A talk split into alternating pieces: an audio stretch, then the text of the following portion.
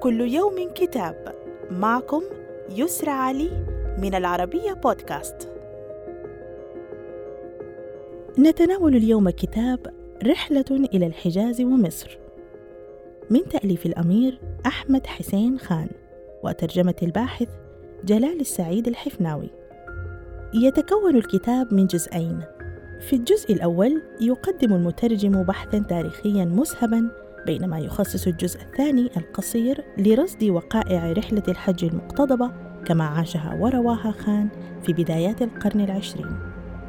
كما يشير الحفناوي إلى أن زيارة الحرم الشريف من العوامل المهمة التي مهدت الطريق لظهور رحلات الحج الهندية في الأدب الأردي في القرنين التاسع عشر والعشرين وتعددت هذه الرحلات حتى بلغت المئات وكتبت باللغتين الفارسية والأردية. صدر الكتاب عن المركز القومي للترجمة في القاهرة.